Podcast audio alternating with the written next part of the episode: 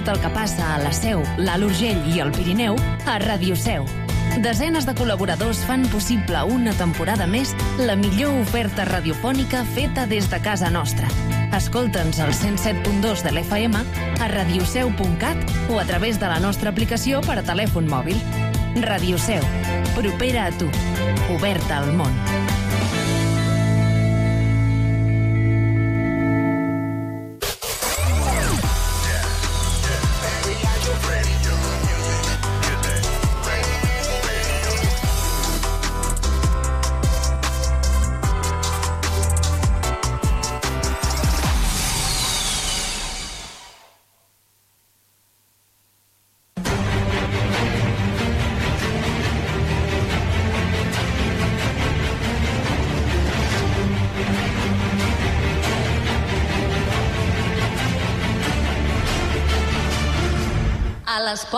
Troia, amb Alberto Reche, Sergio Rodríguez i Albert Abril.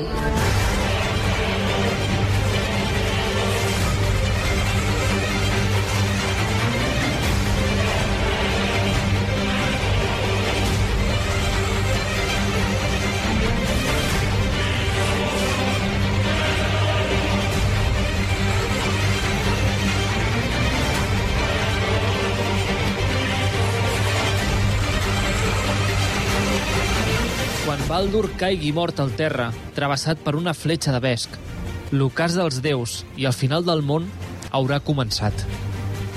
L'arbre del món tremolarà, els gegants atacaran Asgard, els fills de Loki s'alliberaran i arribarà al final dels dies. El sol i la lluna desapareixeran, les estrelles es fondran, el cel s'incendiarà i el món quedarà inundat en una eterna foscor. Les aventures de Loki arriben a un final menys entremaliat i molt més tràgic. Els seus ardits ens dirigeixen a l'Armagedon nòrdic, el Ragnarok. Avui, a les portes de Troia, compararem l'episodi del Ragnarok amb altres religions i, sobretot, parlarem sobre les conseqüències de la mort de Baldur, els preludis del Ragnarok i de les grans batalles que tindran lloc entre els déus d'Asgard i els seus enemics. Benvinguts al crepuscle dels déus. Benvinguts a les portes de Troia.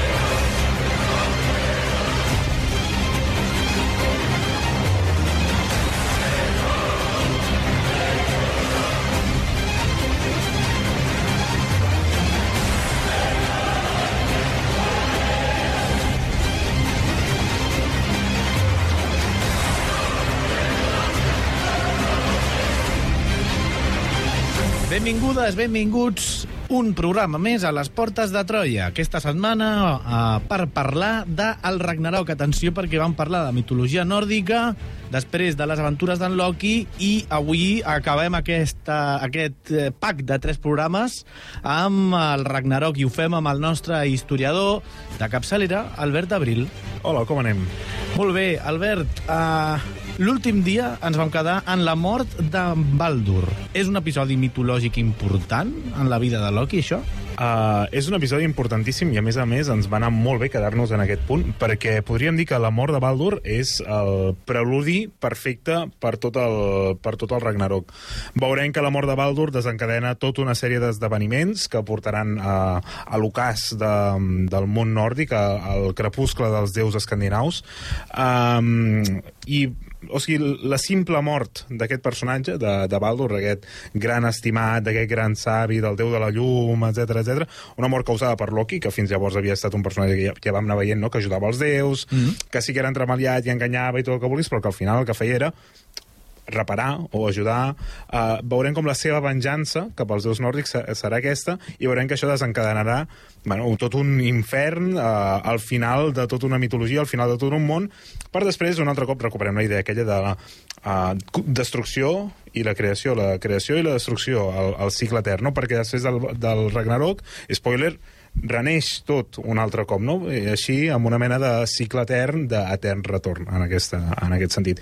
I, per altra banda, també és important aquest programa perquè precisament uh, fa relativament poc es va estrenar la segona temporada de Loki. De fet, entre aquests tres programes de mitologia nòrdica han anat sortint els primers, els primers capítols i bueno, no, no volem deixar, bueno, almenys jo, de recomanar-la, ja que és una de les sèries així de Disney Plus que m'ha agradat més de Marvel. Segueix-nos a facebook.com barra Portes de Troia o a Twitter arroba Portes de Troia. Descarrega't el podcast des d'iBooks o iTunes.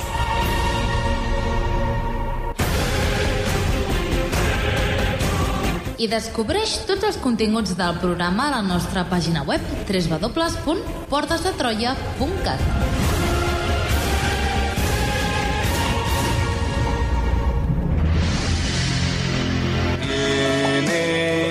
pesadillas chungas. Uh.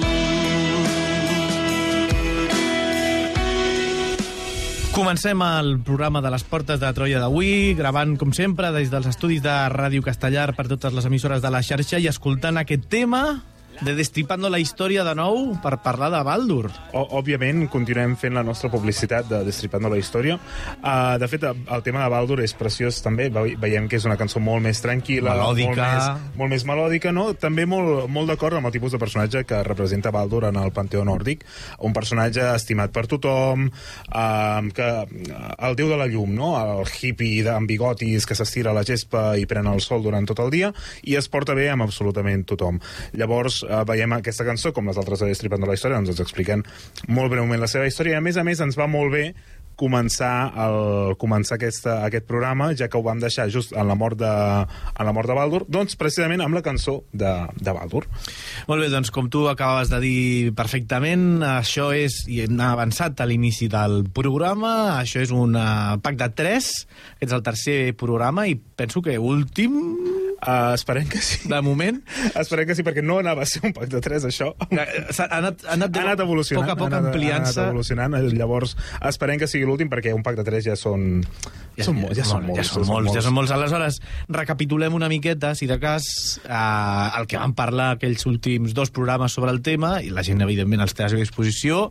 Eh, la Falca no hi diu Spotify, també es pot escoltar per Spotify els últims 30 programes, és els que ens deixa Spotify, i tots estan a l'iVox, però es poden escoltar els últims dos d'aquest pack, i per tant explica'ls una miqueta Albert de què van allò perquè ens podem situar en el d'avui titulat Ragnarok. A veure, avui, uh, com que parlem del Ragnarok, el Ragnarok ja ho hem anat avançant a la introducció, a la pregunta inicial, etc. de què és el final de la mitologia nòrdica, de la història dels déus escandinaus.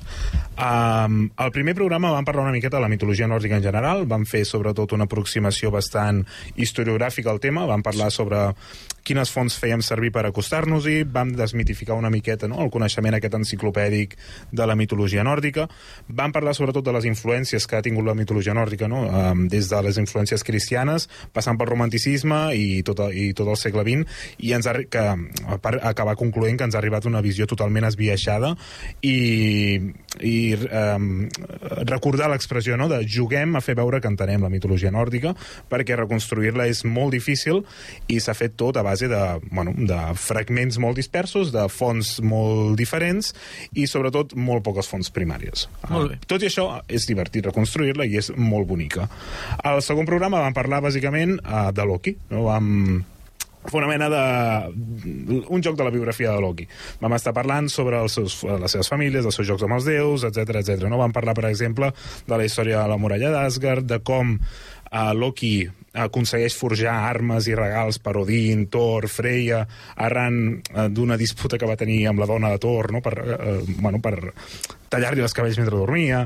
Uh, I també vam parlar sobre el casament, uh, o sigui, com, uh, com Thor es fa passar per Freya en el, en el casament a Jotunheim per recuperar el martell... Bueno, vam parlar sobre totes aquestes cosetes, no? aquestes aventures més lleugeres que poden semblar bromes, no? que poden semblar petits enganys, que el que fa Loki és anar-los solucionant i treure, bueno, treure problemes amb molts cops als, als déus d'Asgard.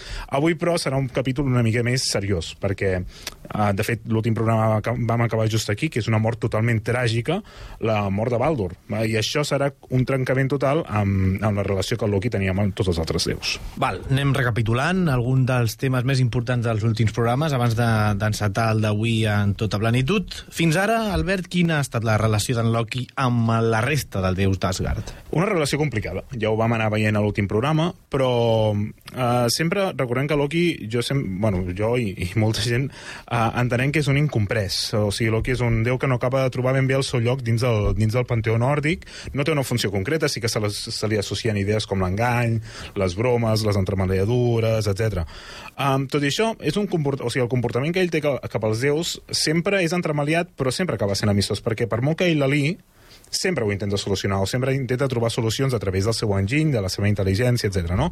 És ell qui fa construir el Jolmir, el martell de Toro, és ell qui fa construir Gungin la, la, la llança d'Odin, o aconsegueix que la dona de Thor tingui cabells d'or, o inclús li regala el vaixell, el vaixell fantàstic aquell que es pot convertir en un mocador um, a Freya. Uh, és un personatge que ajuda els déus. Però hem de recordar sempre que tot això... Uh, és, és cert que Loki va ajudar els déus, però hem de recordar que Loki té tres fills. bueno, de fet, en té, en té uns quants més. Però té Fenrir, el gran llop, uh, Jormungand, la, la serp del món que rodeja l'oceà de Midgard, i també té Hel, la, Hel o Hela, que és la deessa del, del regne dels morts, Helheim. Uh, I tots aquests fills són repudiats i, i anul·lats totalment per la resta del panteó nòrdic. És a dir, tots els déus, uh, com que saben que els seus fills formaran part del Ragnarok, perquè recordem que una de les coses importants de la mitologia nòrdica és que tots saben que arribarà el Ragnarok i tots saben com moriran i tots saben que acabaran morint lluitant contra X personatge, ells saben que els fills de Loki seran protagonistes del Ragnarok i llavors el que han fet els déus és allunyar-los i convertir-los en, en un no perill, no? Per exemple, a Fenrir l'encadenen, a Hel la desterren al regne dels morts i a Jormungand el tiren a l'oceà de Midgard, a llocs on no poden, on no poden fer mal. Llavors, estem en un punt que Loki deixa de fer entremaliadures, deixa d'ajudar els déus i ara sí que sí busca venjança per com han tractat els seus fills i, i també veurem que busca venjança per com el tractaran ell després de la mort de Baldur. Molt bé, i, i justament, uh, ja per acabar de, de posar-nos a to, en quin va, ser, quin va ser el moment on ens vam quedar en el darrer programa de les aventures d'en Loki? Uh, molt breument, repassem un moment la, la història de Baldur. Recordem que Baldur és un dels fills d'Odin, um, d'Odin i, i Frigg. És el déu de la llum, de l'alegria, el més savi, el de més bones paraules, el més agradable. Representa la llum... Um, tots aquests sentiments que ens puguin provocar alegria, no? És un personatge, això, lluminós. En contraposició tenim el seu germà, recordem la dualitat aquesta tan típica a la mitologia nòrdica, que és Hot, que és un déu sec i també és el déu associat molts cops a la, a la foscor, no necessàriament dolent, però sí en contraposició al seu germà, que representa la llum. Recordem que arriba un moment que aquest fill tan perfecte que era Baldur cometa, comença a tenir tota una sèrie de, de malsons. I Odin va buscar, bueno, una sèrie de malsons que l'atormenten i l'acaben convertint en un, en un ànima en pena que pul·lula per Asgard parlant malament a la gent, adormint-se per les cantonades, eh, tenint mal humor, etc etc. Llavors, Odin va buscar una profecia eh, i troba la profecia que li diu que Baldur morirà i morirà per mà del seu germà per, per mà de, de Hot. I a més a més, en aquesta profecia li repeteixen eh, que la mort de Baldur serà el preludi o serà l'inici de, de tot el que seria el, el Ragnarok. Després d'aquestes converses, després d'aquesta profecia, es reuneixen tots els déus d'Asgard en assemblea, que els hi agrada fer-ho molt, no? Es reuneixen a assemblea per prendre decisions conjuntes, a vegades més o menys encertades, ja anirem veient. Um, i en aquesta assemblea fan una llista no, de les mil maneres o de les desenes de milers de maneres amb les que podria morir Baldur. I el que fan amb aquesta llista és Frigg, la mare de, de Baldur, o la dona d'Odin, es passejarà per als nou mons durant molt temps fent jurar a totes les coses i a totes les criatures que mai li faran mal a Baldur que mai li farien mal, que, que, no, bueno, que no farien cap acció contra ell, a pedres, a fusta, a plantes, a bolets, a nans, a elfs, a, a gegants, a, a déus, a, a tothom. Tothom i tot menys el vesc, que és una planta que s'atribueix a, la, a la joventut, i Frigg va considerar que el vesc era massa jove per fer-lo jurar una cosa tan, tan forta. Llavors, Loki, recordem que en aquest punt el que fa és convertir-se en una anciana per convèncer Frigg, eh, molesta Frigg, la importuna, insisteix, insisteix, convertir, repetim, co- convertir en una anciana, perquè li acaba dient quina és l'única cosa que no ha jurat, a no fer mal a, a, a Baldur. I el, uh, aconsegueix treure-li el secret a la, a, la, a, la mare de, a la mare de Baldur i aconsegueix descobrir que el Vesc seria l'única cosa que podria arribar a matar a Baldur. I aquí arriba el terrible moment de la mort d'en Baltur, oi? Exacte. Uh, just després de que Loki descobreixi que el Vesc és l'única cosa que el pot matar, el primer que fa és construir una fletxa de Vesc. No? Ja, ja ens ho podíem esperar. Uh, torna cap al saló on s'han reunit els déus i es troba una escena pintoresca, ja la vam descriure l'últim dia, però per, per, uh, per tornar-la a explicar un momentet, ens trobem tots els déus d'Asgard que estan tirant coses a, a Baldur, no? li estan tirant espases, destrals, pedres, troncs, arbres, de tot, i, i tots estan rient perquè, ai, res li fa mal, no? Anem, anem-li tirant coses, anem-li tirant coses que, ah, que, re, que res passa. Llavors tothom reia, tothom reia, tothom s'ho passava bé, menys una persona, que era Hot, que era el germà de, de Baldur. Ell no reia perquè era sec i per tant no podia tirar-li res a Baldur perquè no sabia on era i perquè tampoc tenia res per tirar-li. No tenia ni pedres, ni, ni arcs, ni llances, ni res. En aquell moment, Loki entra al, al saló, li ofereix a Hot un arc i la fletxa de Vesk, li indica en quina direcció ha de disparar la fletxa i Hot, molt content de poder participar de la festa, dispara de, tot, de manera totalment innocent aquella festa, aquella, aquella fletxa cap, a, cap al seu germà Baldur. I aquesta fletxa travessa tot el saló i... Eh, apunyala el pit de Baldur, travessa el pit de Baldur i Baldur cau desplomat al terra. Llavors, en aquest, és precisament en aquest instant on ens van quedar, no? aquest silenci sepulcral que es va fer en el saló on els déus fins feia un moment s'ho estaven passant bé. Ens trobem Baldur mort al terra, els déus en silenci al seu voltant, Hot, que no sap ben bé què ha passat, amb l'arc a la mà, amb la fletxa recent disparada, i Loki sortint dissimuladament de la sala. Doncs ara sí sembla que d'aquesta no se'n sortirà tan fàcilment, que ara sí que s'ha traspassat una línia. Exacte. Um, aquí Loki és quan a la línia, no? És quan creu el Rubicó, si, el Rubicó, si, si em permeteu l'expressió. Uh, en aquest sentit, uh, els déus el que volien ara, ara sí que sí és venjança cap a Loki. Ja no ha estat una entremaliadura, ara ja no li cosim la boca. No, no, ara és venjança uh, total. Estaven inflats en violència. Sabien, però, que no podien matar en els salons sagrats d'Asgard. Però, clar, el primer, el primer objectiu no era Loki. El primer objectiu, qui havia disparat la fletxa? No? Era Hot, perquè tenia l'arc, eh, estava allà, gairebé que la corda encara estava vibrant, no? Llavors, eh, com que no es podien dur a terme actes violents en aquell, sal, en aquell saló, veurem que busquen tota una sèrie d'alternatives per poder matar Hot. D'això en parlarem d'aquí un, un momentet. Centrem-nos un momentet, però, en, en, en, en el dol. Uh, els déus quan es va trencar el silenci van començar a gemegar, van començar a plorar uns déus que fins fa un moment allà tot machotes estaven disparant tot de coses a Baldur, ara estaven tots somicant i estaven plorant sense cap mena de consol. Uh, Frigg, la mare de Baldur, va suplicar que s'anés a buscar Baldur a Helheim, perquè clar, no havia mort en batalla, per tant, serà a Helheim, el regne dels morts, el regne de, de Hel, la filla de, de Loki.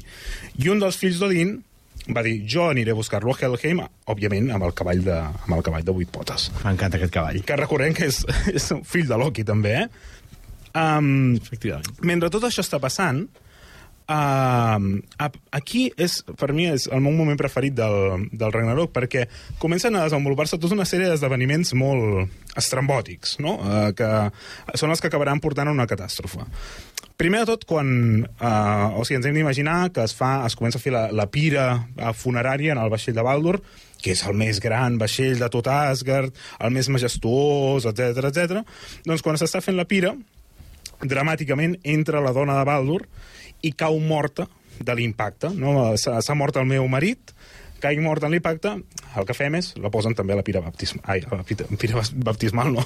A la, a la pira funerària. La pira funerària, ja que ja, ja que ja està feta... Ja, ja que està, doncs apro- aprofitem. Um, el cavall de Baldur també va ser sacrificat i també va ser posat a la, a la pira. Uh, en una escena on els déus uh, feien una mena de ritual no? per retre respecte a la figura de Baldur, Odin xiu-xiueix unes paraules a Baldur que ningú sap ben bé què li va dir, però bueno, després potser uh, podem intentar-ho descobrir. Thor utilitza el Jolmir per beneir la fira, però és molt divertit perquè mentre en un acte de uh, pur, seriós i tot, i Thor està beneint la pira amb el Jolmir, per allà passava un nan, o un, un petit nan passava per allà i de cop Thor el xuta i va parar dins de la, de, dins de la pira i es crema amb Baldur, amb la seva dona i amb el cavall sacrificat. Allà, doncs vinga, uh, un, un nan. Um, i de fet hi ha algunes fonts que ens diuen que aquí va néixer la gran disputa entre els déus Aesir i els nans, no? perquè Thor acaba de matar un nan sense cap mena de motiu, que simplement bueno, passava per allà, vigila també per on passes, no? si estàs a Asgard, uh, però bueno, simplement això, que el tenim també dins la pira. Um, clar, llavors, després de preparar la pira en aquest gran vaixell, l'havien d'empènyer dins del mar per cremar-lo, perquè, com sabeu, la tradició vikinga és quan es mor un gran personatge, és enterrar-lo, bueno, és cremar-lo amb el seu propi vaixell al mig del mar i tirant-li la fletxa en foc, etc etc. Què passa? Que ni tots els déus d'Asgard van poder arrossegar el vaixell cap a l'aigua. És a dir, imagineu tots els déus d'Asgard, aquests machotes barbuts amb cabells llargs, emputxant el vaixell i sent incapaços de moure'l ni, ni un tros. Vale? Per tant, una altra desgràcia. Fixeu-vos que tot això són com mal, mal auguris, no? un, un rere l'altre. L'esposa es mor, un nan dins la pira. Ara de cop tampoc podem emputxar el vaixell cap a, cap a l'aigua. Um, I passava per allà, per casualitats de la vida d'aquestes nòrdiques, una geganta anomenada, anomenada Hirrokin, que cavalcava un llop enorme i que com a regnes utilitzava serps. No? Imaginem-nos l'escena, no? Uh, una geganta, recordem que la relació entre els asgardians i els gegants no era gaire planera, per alguna manera, no? sinó que tenia una relació una mica de tensió. Uh, Hirrokin el que fa és baixa el llop i s'ofereix a ajudar-los, a ajudar els déus a arrossegar el vaixell, perquè Hirrokin era una gran geganta molt forta i molt poderosa. Uh, va, va, va baixar el llop, és a dir, els, els déus mig enfadats, mig, uh, mig que no volien acceptar-ho, no? Baixa, uh, acaben acceptant la seva ajuda. Baixa el llop, Jodin mana a quatre guerrers que aguantin el llop. Ni quatre guerrers són, són capaços d'aguantar el llop. Fins que no el tiren al terra, no el poden subjectar tranquil al llop. O sigui, també imaginem-nos. Uh, Hirokin, tota sola, emputxa el vaixell i el vaixell se'n va cap al mar. O sigui, el que no havien pogut fer tots els déus d'Asgard ho fa una sola geganta. Uh, què passa, però? Que amb la fricció del vaixell amb el terra, el vaixell s'incendia abans d'arribar al mar. Llavors, en el moment que fa aquesta, aquesta fricció, el món sencer tremola, no? El Yggdrasil, l'arbre dels nous mons, tremola, tremola tot, no? Imaginem-nos la magnitud del vaixell, imaginem- imaginem-nos la força de Hirrokin, etc. Llavors, això va fer enfadar moltíssim Thor, que en aquell precís moment ja estava, des, de, o sigui, estava desenvainant el seu martell per matxacar Hirrokin. Però bueno, que al final tots els déus l'aconsegueixen aturar per sort, perquè vés a saber què, què hagués passat. Mare meva, amb l'enterrament d'en Baldur. Sembla un capítol de la que s'avecina, així tot esbojarrat. Molt raro, molt raro, molt raro. Uh, molt intens, o sigui, un capítol de la, la que s'avecina o, o del cor de la ciutat, bueno, no sé si m'atreviria a dir el cor de la ciutat, també. Um, però que, perquè ens fem la idea que la mort d'un personatge uh, que és un personatge que ja veiem que està super magnificat, no val, el déu perfecte, um, ho gira tot. I totes aquestes petites coses que van passant són petits indicis, petits símbols de que, bueno, que s'avecina una cosa gran, no? És, és un preludi d'alguna cosa que ha de venir. Um, tal com deia la, la profecia, tots aquests esdeveniments acabarien portant al Ragnarok. Però no ens avancem encara. Llavors, la mort de Baldur havia, havia de ser venjada. Uh, Odin sabia que no podia assassinar el seu propi fill Hot en els segons d'Asgard, no? Recordem que havíem deixat aquesta petita venjança per, per un moment després. Um, però, clar, eh, com que Odin no el podia matar en els salons uh, sagrats, doncs el que va fer Odin, òbviament, és anar a un oracle i preguntar-li com, uh, bueno, com podia venjar la mort del, del seu fill. Aquest oracle li va dir que el venjador de Baldur naixeria d'una geganta del gel anomenada Rind. Uh, ens estalviem la història, però perquè us feu una idea, mitjançant la màgia i l'engany, Odin aconsegueix violar en aquesta geganta, a Rind. Um, D'aquesta unió va néixer Bali, un nen que va créixer molt ràpidament. De fet, va créixer tan ràpid, ràpidament que el seu primer dia de vida ja el van portar a Asgard, li van donar un arc i unes fletxes, i amb aquest arc i fletxes va disparar diverses fletxes a Hot fins matar-lo. Ah, Imaginem-nos, no? Odin es transforma en gegant per enganyar, per enganyar a Rind, la viola, i el fill que tenen d'aquesta unió, que neix Uh, res, el dia, el dia següent, en el mateix dia, ja ha crescut prou com per empunyar un arc i unes fletxes i matar a Hot. Eh, veiem que la venjança comença a estar consumada. Uh -huh. I abans havies esmentat que Odin havia enviat a un dels seus fills a Helheim a, buscar Baldur.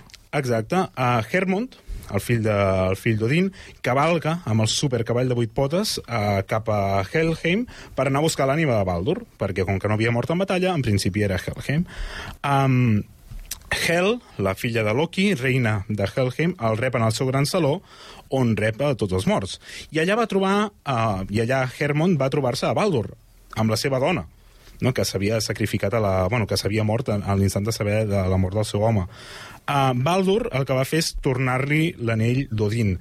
Uh, aquell anell que, no sé si recordeu, que cada nit es multiplicava per 9 i era un anell d'or que precisament a la pira, a la pira funerària Odin li deixa en el, en, el, en el cos de Baldur. Llavors Baldur, per demostrar que sí que havia parlat que sí que havia parlat amb ell, li retorna l'anell a Hermon perquè el retorni en el seu, en el seu pare.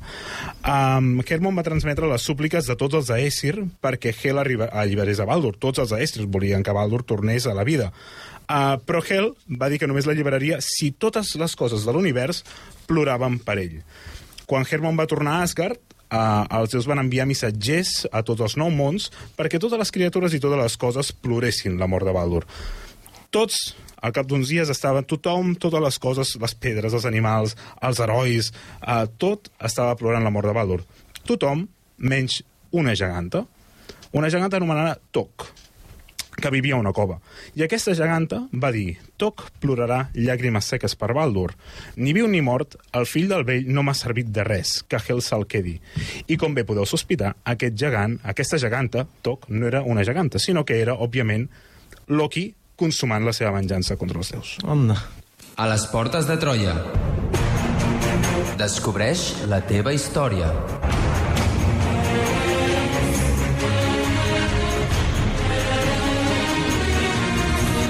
Troba'ns a facebook.com barra Portes de Troia i a Twitter arroba Portes de Troia.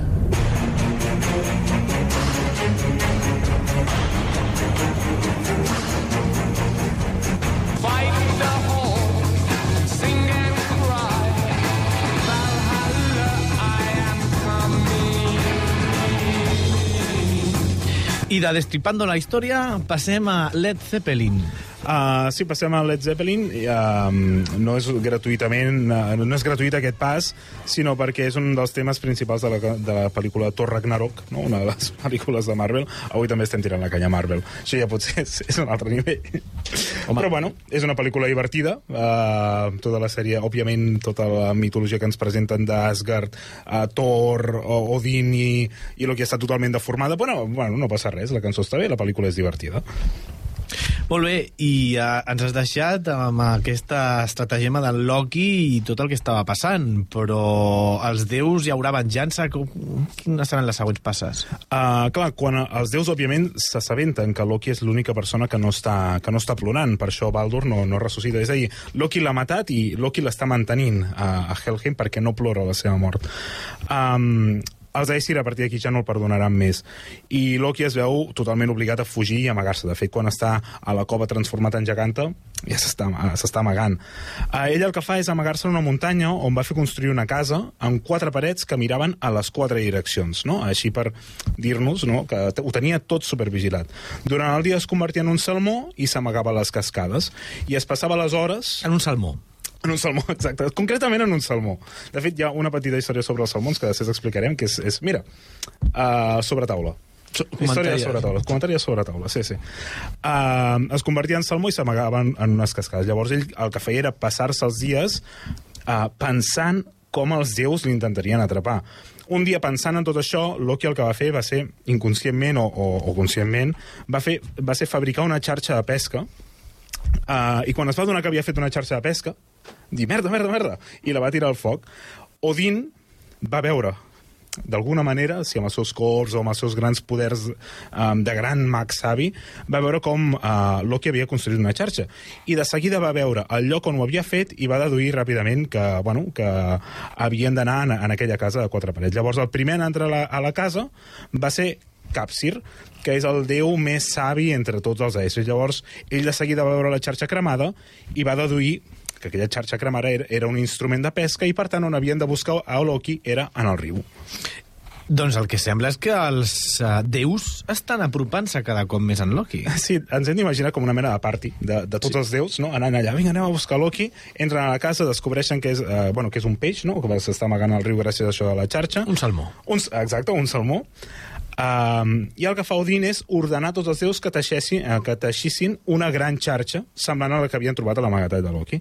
Uh, van teixir aquesta enorme xarxa i van sortir cap al riu, i mentre Thor aguantava un extrem de la xarxa a la vora d'un riu, tots els altres déus aguantaven l'altre extrem de la xarxa a l'altre costat del riu. I ens hem d'imaginar, no?, com van pujant al curs del riu per intentar uh, atrapar en aquest peix o aquest salmó en el que s'havia convertit Loki. Loki, però, i és molt viu, i el que fa és amagar-se a les pedres de les profunditats del, del riu. Llavors la xarxa el que fa és eh, simplement passar per sobre el seu amag amagatall sense, bueno, sense immutar-lo. Quan els déus arriben a les cascades, el que fan és el mateix, en sentit contrari.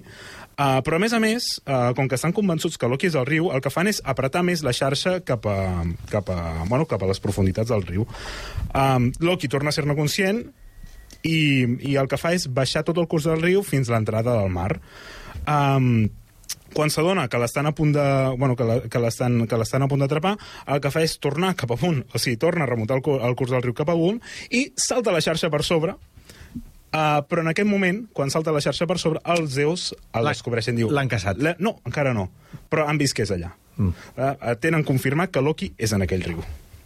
I, I això com avança? Perquè ara mateix ens estàs deixant... eh, Clar, o sigui, o sigui és, és com molt estúpid no? que els déus d'Asgard s'estiguin darrere- dedicant a, a, a anar amunt i avall amb una xarxa per intentar caçar un salmó en un, en un maleït riu.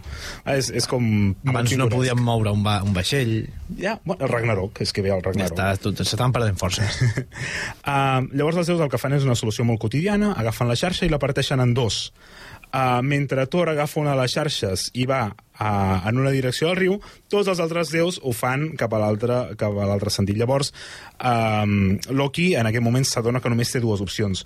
O anar fins al mar i perdre's en el mar, o saltar la xarxa per sobre un altre cop um, o diversos cops, perquè clar, ens hem d'imaginar que hi ha déus recorrent al riu amb xarxes amunt i avall, amunt i avall. Ell el que fa és escollir la segona opció, la més arriscada. Diu, bueno, tornaré a saltar la xarxa. Així doncs, quan la xarxa de Thor s'acostava a Loki, Loki aconsegueix saltar-la per sobre, però de cop Thor aconsegueix agafar Loki, agafa el peix, no? Ens hem d'imaginar que l'agafa amb tota la seva mà, la mà de Thor, que no és una mà Home, petita. agafa el martell... Pot agafar perfectament Pot agafar un, un un salmó. I alguna versió popular, i aquí ve ara la informació de sobre taula o de vermut de diumenge... Amb el ah, salmó. Alguna, exacte, so, informació sobre el salmó. Alguna versió popular apunta que el cos del salmó va relliscar de les mans de Thor, però que a l'últim moment el déu del tro el va agafar amb més força i per això el salmó es fa estret es fa més primet a la part de la cua, perquè Thor va anar apretant Ja està. mentre li relliscava el, el És salmó. perfecte aquest comentari de sobretaula o de vermut de dissabte o diumenge. Sabeu per què el salmó té, Té la aquesta prima. forma? perquè Thor el va agafar i li va relliscar... doncs bé, aquí el deixem per aquells eh, cunyats que vulguin explicar aquesta anècdota sobre la forma del salmó. Sempre al servei dels cunyats. I clar, després d'aquesta història dels, dels pescadors, què fan els déus amb Loki? Doncs ara sí que entrem en una matèria una mica més seriosa, no? Ara ja l'hem pescat, hem fet el peripé per al riu amb quatre xarxes. Uh, un cop els déus han capturat a Loki, el que fan és el porten lligat a una cova. Allà els déus el mantenen uh, immobilitzat i porten tres pedres llises i a cada una d'elles hi van fer un forat. Vale? Ens hem d'imaginar Loki amb tres pedres llises i a cada pedra un forat. Van anar a buscar els fills humanoides. Està rient perquè en el guió he posat fills normals, entre cometes, de Loki, que són Bali i Nari. M'has mirat i has canviat per humanoides? vale, vale. Que no és el cavall de vuit potes, No és el vaja. cavall de vuit potes, no és un llop enorme, no és una Exacte. serp enorme, no és una deessa de la mort, sinó que són um, dos... Uh, nens, podríem dir. Antro nens, antropomorfs. Antropomorfs. Són gegants, són jotuns, però són antropomorfs. Uh, Bali i Nari. Uh, Odin, utilitzant la seva màgia, agafa Bali i el converteix en un llop. I en Bali, convertit en llop, devora i esquartera totalment el seu germà Nari davant dels ulls com plats del seu pare Loki. No, veiem que aquí comença ja uh, sang i fetge, eh? Um, però no acaba aquí, perquè els déus agafen els intestins de, de Bali, que estaven per allà tirats al terra després de que lluités contra el, contra el seu propi germà transformat en, en llop, i amb ells, amb aquests intestins, lliguen a Loki a les tres pedres en els forats que havien fet. No? Per tant, tenim a Loki, a una pedra uh, li servia per aguantar les espatlles, una altra, una altra a la cintura i l'última als genolls. Um, de cop aquests intestins ensangrentats es van convertir en ferro i perquè encara no en tenien prou, el van condemnar a un dolor etern. Skadi, una deessa de, associada a la caça, etc., va situar tota una sèrie de serps sobre de Loki, de tal manera que el seu verí anés destil·lant o anés gotejant sobre el rostre del nostre protagonista. D'aquesta manera, Loki continuaria viu, però sentint un dolor gairebé, uh, gairebé cada instant de la seva uh, existència. Caram. I, Albert, en Loki va poder suportar eternament aquesta tortura? Aquí ens apareix uh, uh, Sigyn, que és l'esposa de Loki, i ella uh, el que fa és asseure's al costat del seu marit i sostenia una safata o una mena de calç o un bol no? uh, per evitar que el verí toqués la cara de Loki.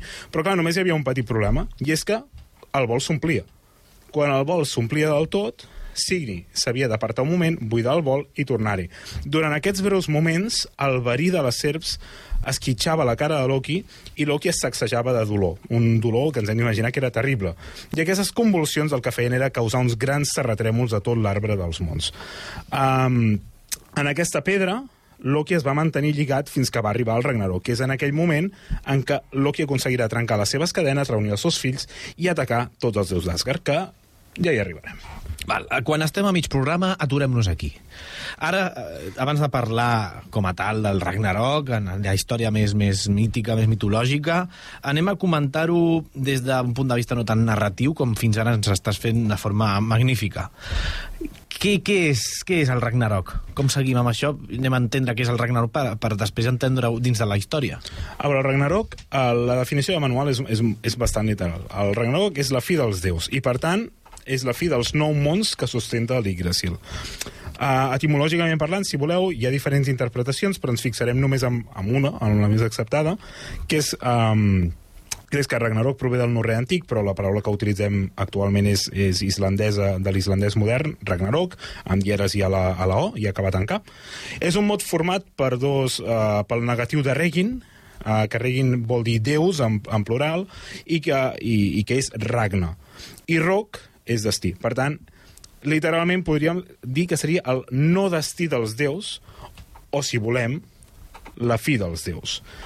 Um, Després del que el significat es perdés durant la baixa edat mitjana i sobretot durant l'edat moderna, es recupera, com ja vam explicar, el romanticisme, per exemple, en Wagner, uh, que el recupera com a crepuscle dels déus, no? Dona una altra, una traducció encara més èpica, no? El crepuscle dels déus, o l'ocàs dels déus en el seu últim cicle de, de l'anell del, del Nibelung.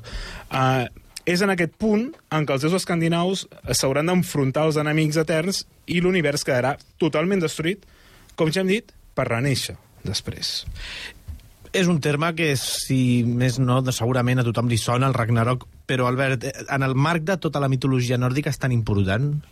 És importantíssim. No? Uh, um, és, de fet, els déus uh, asgardians viuen pel, pel Ragnarok, que serà precisament la seva mort. Um, és mencionat moltíssim a l'Eda prosaica i a l'Eda poètica i a, la, i a les sagues. Um, de fet, hi ha diferents poemes. Jo, per exemple, recomanaria el Voluspa, que l'altre dia en vam escoltar un, un fragment, i la Locacena, que també parla moltíssim del Ragnarok. És un dels episodis més importants i més famosos de tot el que són els episodis divins de la mitologia nòrdica. Quan es compleix el destí dels déus, un destí que, bueno, que ja hem anat avançant, que tots en són coneixedors. De fet, tota la mitologia nòrdica són tot de profecies i profecies. Arribarà el Ragnarok passarà això, això i això, tu et moris, moriràs així, tu et moriràs així, tu lluitaràs contra aquest i tu contra aquell. No podríem dir que el Ragnarok és com la culminació de la religió nòrdica, no? És el destí pel que tots s'havien estat preparant durant tot aquest temps. Um, és quan els propis déus moriran en el camp de batalla. I tenim eh, Ragnaroks en altres religions?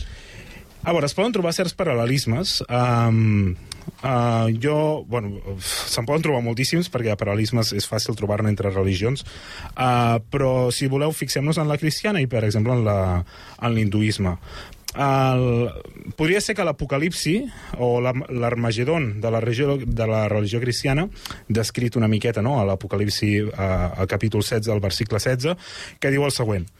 Els van reunir, doncs, al lloc que en hebreu s'anomena Armagedon. Uh, segons algunes branques del cristianisme, es reuneixen allà per lluitar una gran batalla final contra Déu. I seran invocats dimonis, uh, un Armagedon eh, hem d'entendre que un Armagedon és un terme genèric per denominar la fi d'un món a través d'una catàstrofe. Sí, podem recordar, per exemple, la horrible pel·lícula de, del 98 o 99 de Bruce Willis. de Bruce Willis, Arma Armagedon. Exacte. Sí. És, la, és, la, és la del meteorit, no? Exacte. Que es puja un meteorit... Una cosa- una bueno, cosa la podem destripar després de 25 anys, no? Ho podem fer. es puja un meteorit i aleshores I eh, l'única el- manera de fer esclatar el meteorit És ell que ha d'impactar contra el planeta Terra i per tant s'ha d'esmicolar abans que això passi, Mhm. l'única manera és que ell s'esmicoli... Eh, perdó, que Amb ell, el meteorit. Exacte, ell, ell implosioni amb el meteorit i tot allò plegat allà, no Sí, sé sí, quina sí, banda sí. del sistema solar. Armagedon. És aquesta Armagedon. pel·lícula. Va, doncs. Armagedon també en tenim a la Bíblia, no? A- aquest que pot estar descrit a, a la- l'Apocalipsi. L'única, a l'Apocalipsi és, un dels, és un dels llibres més controvertits de, de la Bíblia. És un dels més difícils d'interpretar, també.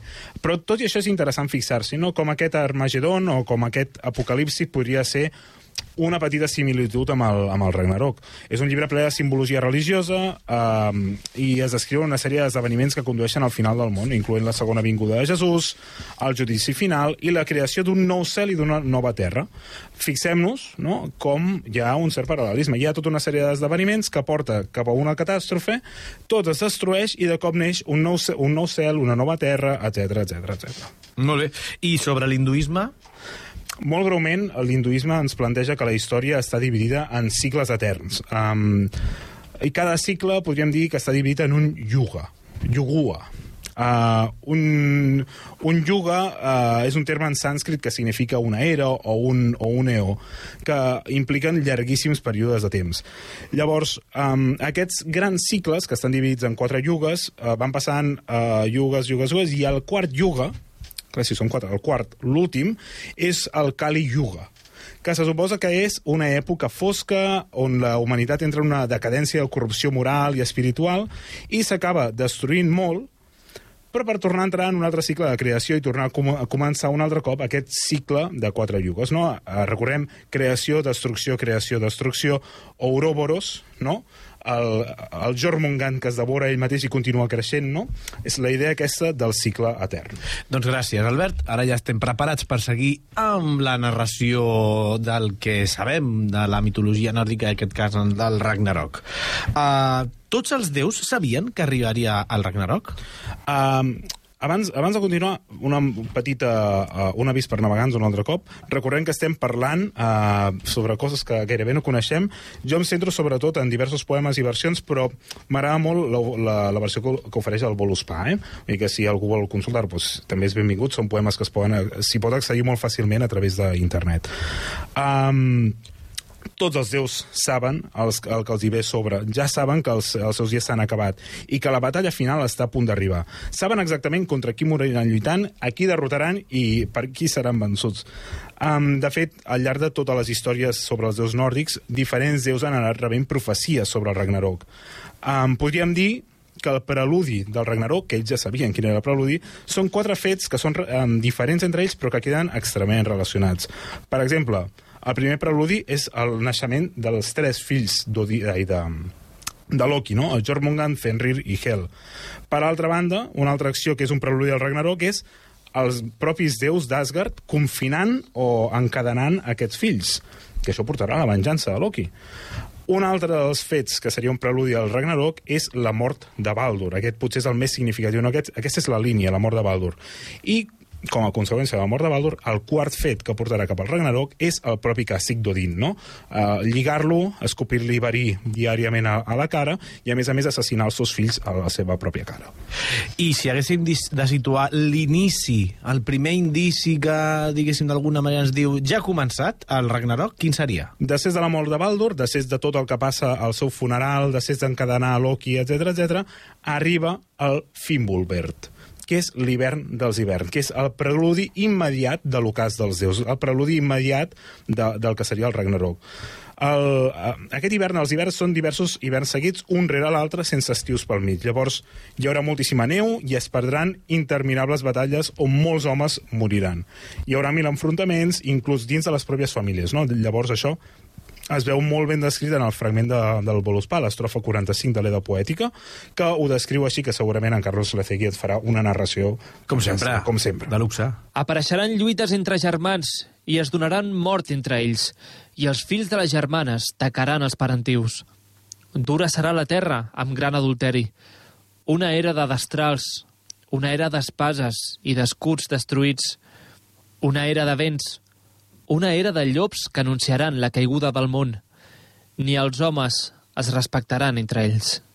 Fixeu-vos, um, aquests, res, són sis versos de, de no res, però de, despunten una epicitat espectacular i, de fet, si, si ens poséssim una mica uh, fins, veuríem com, um, veuríem com inclús Tolkien veu de les referències del Volospano, parla d'escuts destruïts, escudos rotos, no? a, a un restarà l'espada, o parla d'una horda de lobos um, que, que esperen per atacar i que, bueno, parla que els homes no es respecten, etc. No?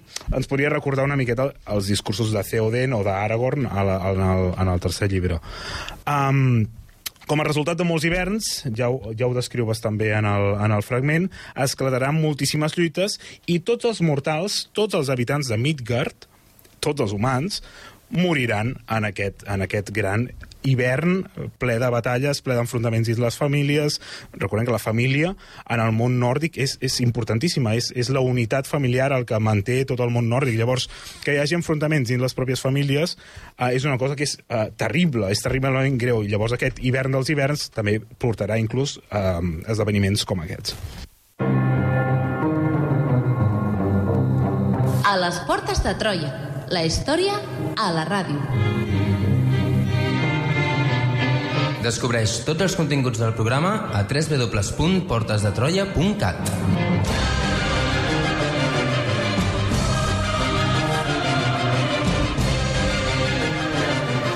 Fjöld veit hún freyða og framsjöru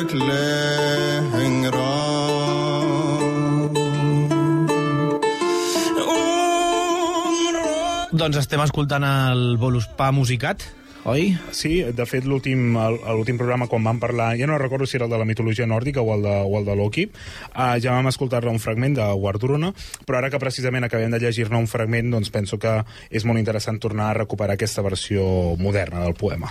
Doncs encetem la recta final del, del programa amb l'hivern més llarg de la història i l'inici, per tant, de l'inevitable Ragnarok. Albert, quin serà el següent pas cap a aquest final del món? el segon pas cap al final del món, doncs és la consumació d'un dels mites eterns de la religió escandinava. Uh, en aquell moment desapareixerà el Sol i la Lluna, i també desapareixeran les estrelles, i per tant tot l'univers es fondrà en una eterna foscor. Uh, per una banda, en la mitologia nòrdica, Skoll era un llop enorme que perseguia pel cel el carro de la deessa Sol, que ja ens podem imaginar que era l'encarnació de la personificació, la deificació de, del sol. El seu objectiu era devorar la deessa. I per altra banda, Hati, germà d'Escol, uh, per tant també un llop, perseguia Mani, uh, el déu de la, de la lluna. Uh, Sol i Mani, com ja hem dit, són personificacions del, del sol i la, i la lluna, i quan s'inicia el Ragnarok amb aquest múltiple hivern, són devorats per Skoll i Hati. De fet, segons alguna versió, ens diuen que Skoll i Hati són fills de Fenrir, per tant, nets de, de, de Loki. Amb aquesta consumació, amb, aquest, amb, amb el final d'aquest mite etern, no? el, el cicle del Sol i la Lluna, etc, les estrelles desapareixen, eh, el Sol i la Lluna desapareixen, i per tant tot l'univers es consumirà en la foscor eterna. Carai, això no, no, no és poca cosa. Mm, més enllà de l'eterna oscuritat, això tindrà conseqüències? Sí, de fet, la Terra tremolarà tan fort que els arbres seran arrencats i les muntanyes cauran, i totes les unions i tots els anells de les cadenes es trencaran i es separaran. Uh, així, Loki i el seu fill Fenrir uh, Fenrir, perdó, quedaran lliures dels seus lligams i dels, de les seves presons. De fet, alguna versió inclús ens diu que quan Fenrir obre la boca per primer cop, després de tants anys d'estar encadenat, el seu nas xocarà contra el cel i la seva barbetra con- contra el terra. Imaginem-nos, no?, com ens descriuen aquest llop descomunal. Um, Hector, el vigilant dels Jotuns, uh, s'asseurà a la seva pròpia tomba i es posarà a tocar l'arpa somrient, com dient, bueno, ha arribat el moment, jo em poso aquí, toco l'arpa i ja m'arribarà el moment. Un gall vermell cantarà als gegants, un gall daurat uh, i un tercer gall oxidat cantarà els morts de, de Helheim. I aquests tres galls, amb els seus cants, el que estan fent és anunciar el Ragnarok. No? Uh, el gall daurat, perdoneu, uh, canta a Asgard. Per tant, els gegants a Jotunheim, els asgardians a Asgard i els morts a Helheim s'alçaran tots junts per participar d'aquest gran Ragnarok. I uh, als afores d'aquest gran món, uh, aquell enorme serp que s'autoconsumeix i rodeja els oceans de Midgard, Jormungand, què, què farà? Què passarà amb ella? Doncs quan es comencin a saltir els galls, quan hi hagi aquestes grans tremolors i quan arribi l'eterna foscor, s'aixecarà a les profunditats de l'oceà per dirigir-se a la Terra, retorçant-se sobre ella mateixa. Aquests girs que fa el seu cos eh, faran que els mars embogeixin i fuetegin constantment les costes. I llavors ell, amb cada respiració seva, la serp enorme escopirà verí sobre, el, eh, sobre la terra i també sobre el cel. I quan tot això estigui passant, de cessa de sentir els galls cantar, des de, des de l'est, els Jotun, els gegants de gel, emprendran la seva marxa cap a Asgard a bord d'un espantós, baix, eh, d'un espantós uh, vaixell uh, comandat per, uh, per Hrim. Recordem que els Jotun són el poble de, de Loki. Uh, Se'ns diu que aquest vaixell està fabricat a base d'ungles d'homes morts. O sigui, imaginem-nos el vaixell, no? Que, agra que agradable. Molt agradable. Uh, això és de l'est, però és que des del nord, un altre vaixell dirigit per Loki, uh, un Loki desencadenat, un Loki Loki, eh, que està, que està Loki, un Loki rabiós també, uh, conduirà les os de Hel cap al camp de batalla. En aquest moment és quan els nous, els nou mons entren en guerra. I qui més s'afegeix a aquest caos? s'afegeix mm, tothom, no? Com que, li, com que tot l'Yggdrasil estava en guerra, els nous, els nous mons tremolen eh, de fregor, de sorolls, d'ecos. Eh, tot això inclús despertarà els, els gegants de foc de Muspelheim, que dirigits per Surt, que Surt és un, és un gegant enorme de, de foc, aniran cap a, a, cap a Vigrid, que és on tindrà lloc la terrible batalla, el, el terrible final del, del Ragnarok. Um, aquesta batalla serà entre els, els Aesir, els gegants de foc, els Jotuns, després en parlarem una miqueta. Però de camí és interessant perquè surt amb la seva gran espasa de foc, partirà en dos al cel i, a més a més, destruirà el, el Bifrost, que és el, el pont aquest Arquiris, um, que, que comunica Asgard amb els altres mons.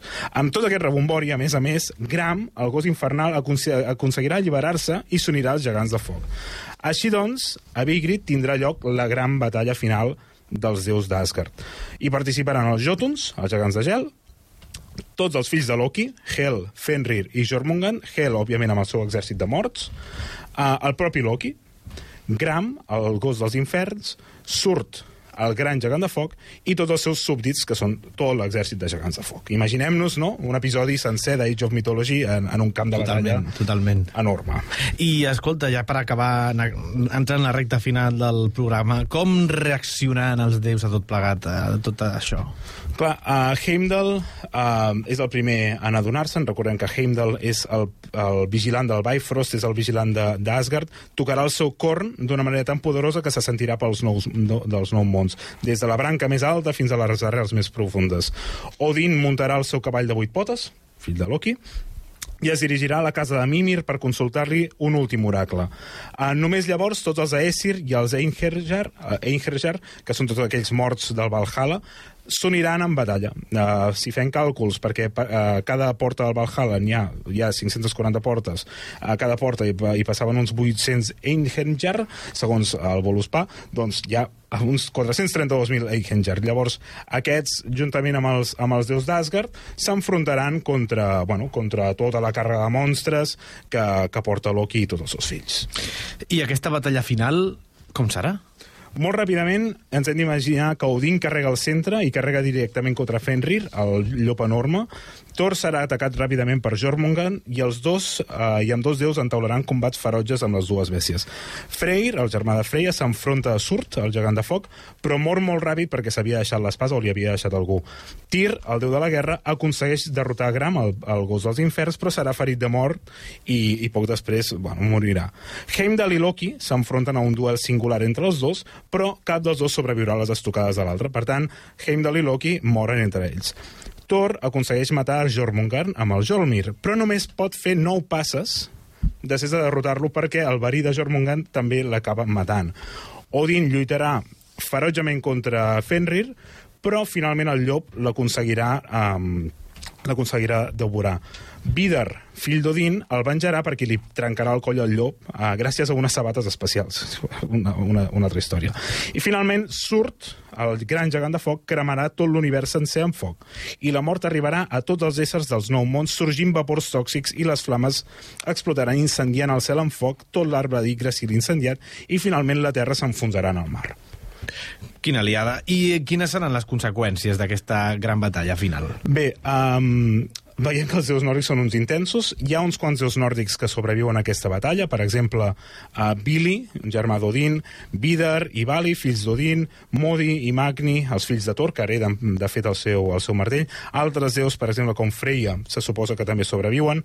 Però atenció, perquè on que ha arribat el Ragnarok, Baldur, uh, i Hot, que eren a, a, a Helheim, ressusciten les seves, a- les seves ànimes tornen, i per tant ells tornen als salons de, de, als grans salons d'Asgard. I de fet Baldur és qui es tornarà a seure al tron d'Odin. Veiem com l'ordre, després del caos etern, l'ordre es comença a reestablir. I finalment, Uh, què passarà quan tots aquests déus su supervivents es trobin? Doncs això, que reestabliran l'ordre, tornaran a formar un nou panteó uh, nòrdic, però clar, no tenen persones que els adorin. Uh, però és que sí que existeixen, perquè en tot el fracàs del Ragnarok, en tots els, els eterns hiverns, totes les guerres, han sobreviscut dos humans, Lif i Lif Hrasir, que Uh, aquests dos humans s'havien amagat a l'escorça de l'Yggdrasil i quan surtin del seu amagatall repoblaran tota la Terra, no? No sé si us sona aquesta idea de dos humans no? repoblant tota Una- una mica. Una miqueta. De fet, la creació del món, en la creació de l'univers nòrdic, um, hi ha dos humans també, o sigui, Odin i els seus germans creen Ask i Embla, que en el seu moment ja van formar tota la humanitat. Doncs ara, Lif i Lif Hasir crearan un altre cop tota aquesta nova humanitat, uh, viuran a Midgard i uh, adoraran aquest nou panteó de, de déus nòrdics liderat per, per Baldur. Per tant, veiem com el cicle del Ragnarok, del Ragnarok ha tancat tota una història i ha tornat a crear un món nou amb un nou panteó seguint unes mateixes idees d'ordre i caos. Fin. Fin, per fi. Però inici també. Inici d'un altre panteó, d'una altra història totalment nova. Però pel que fa al nostre programa de les Portes de Troia, final ara mateix sí d'aquest eh, triple, diguéssim, pack de programes dedicats a aquest tema. Moltíssimes gràcies, Albert Abril. A tu, Sergio, i recordem que el Ragnarok és una profecia, per tant encara potser no ha passat. Ah, mira, ens quedem amb aquesta idea. Gràcies a l'Adrià Tirada, el control tècnic, al Carlos Lecegui, les narracions, i qui us parla, Sergi Rodríguez. Us esperem la pròxima setmana amb un nou episodi de les Portes de Troia.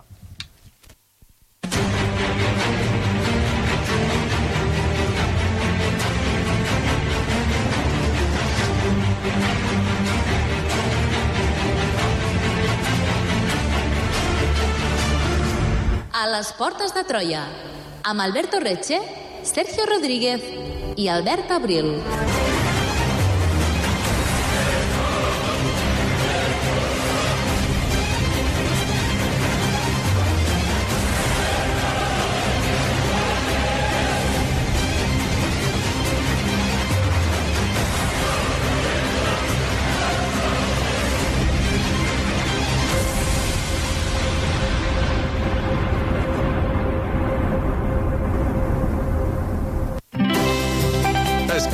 Ràdio Seu on i quan vulguis. Entra a l'apartat de ràdio a la carta de la nostra pàgina web i tria allò que més t'interessa de la nostra programació. Els informatius, les entrevistes, els programes musicals, culturals i esportius, la programació especial... On i quan vulguis, Ràdio Seu. A la carta des de la nostra pàgina web radioseu.cat.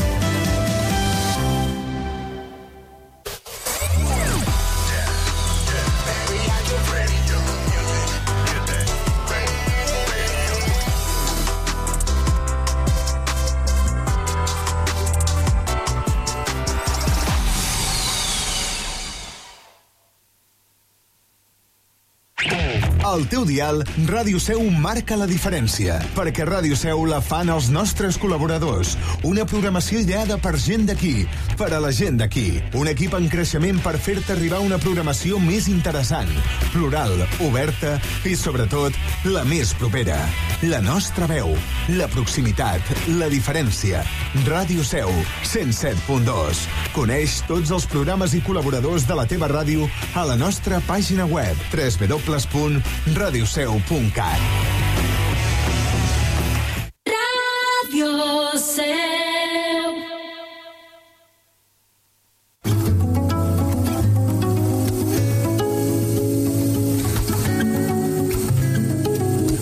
Ràdio Seu FM dona per finalitzada la seva missió en el dia d'avui. Agraïm la teva escolta. A continuació, et deixem amb Catalunya Ràdio.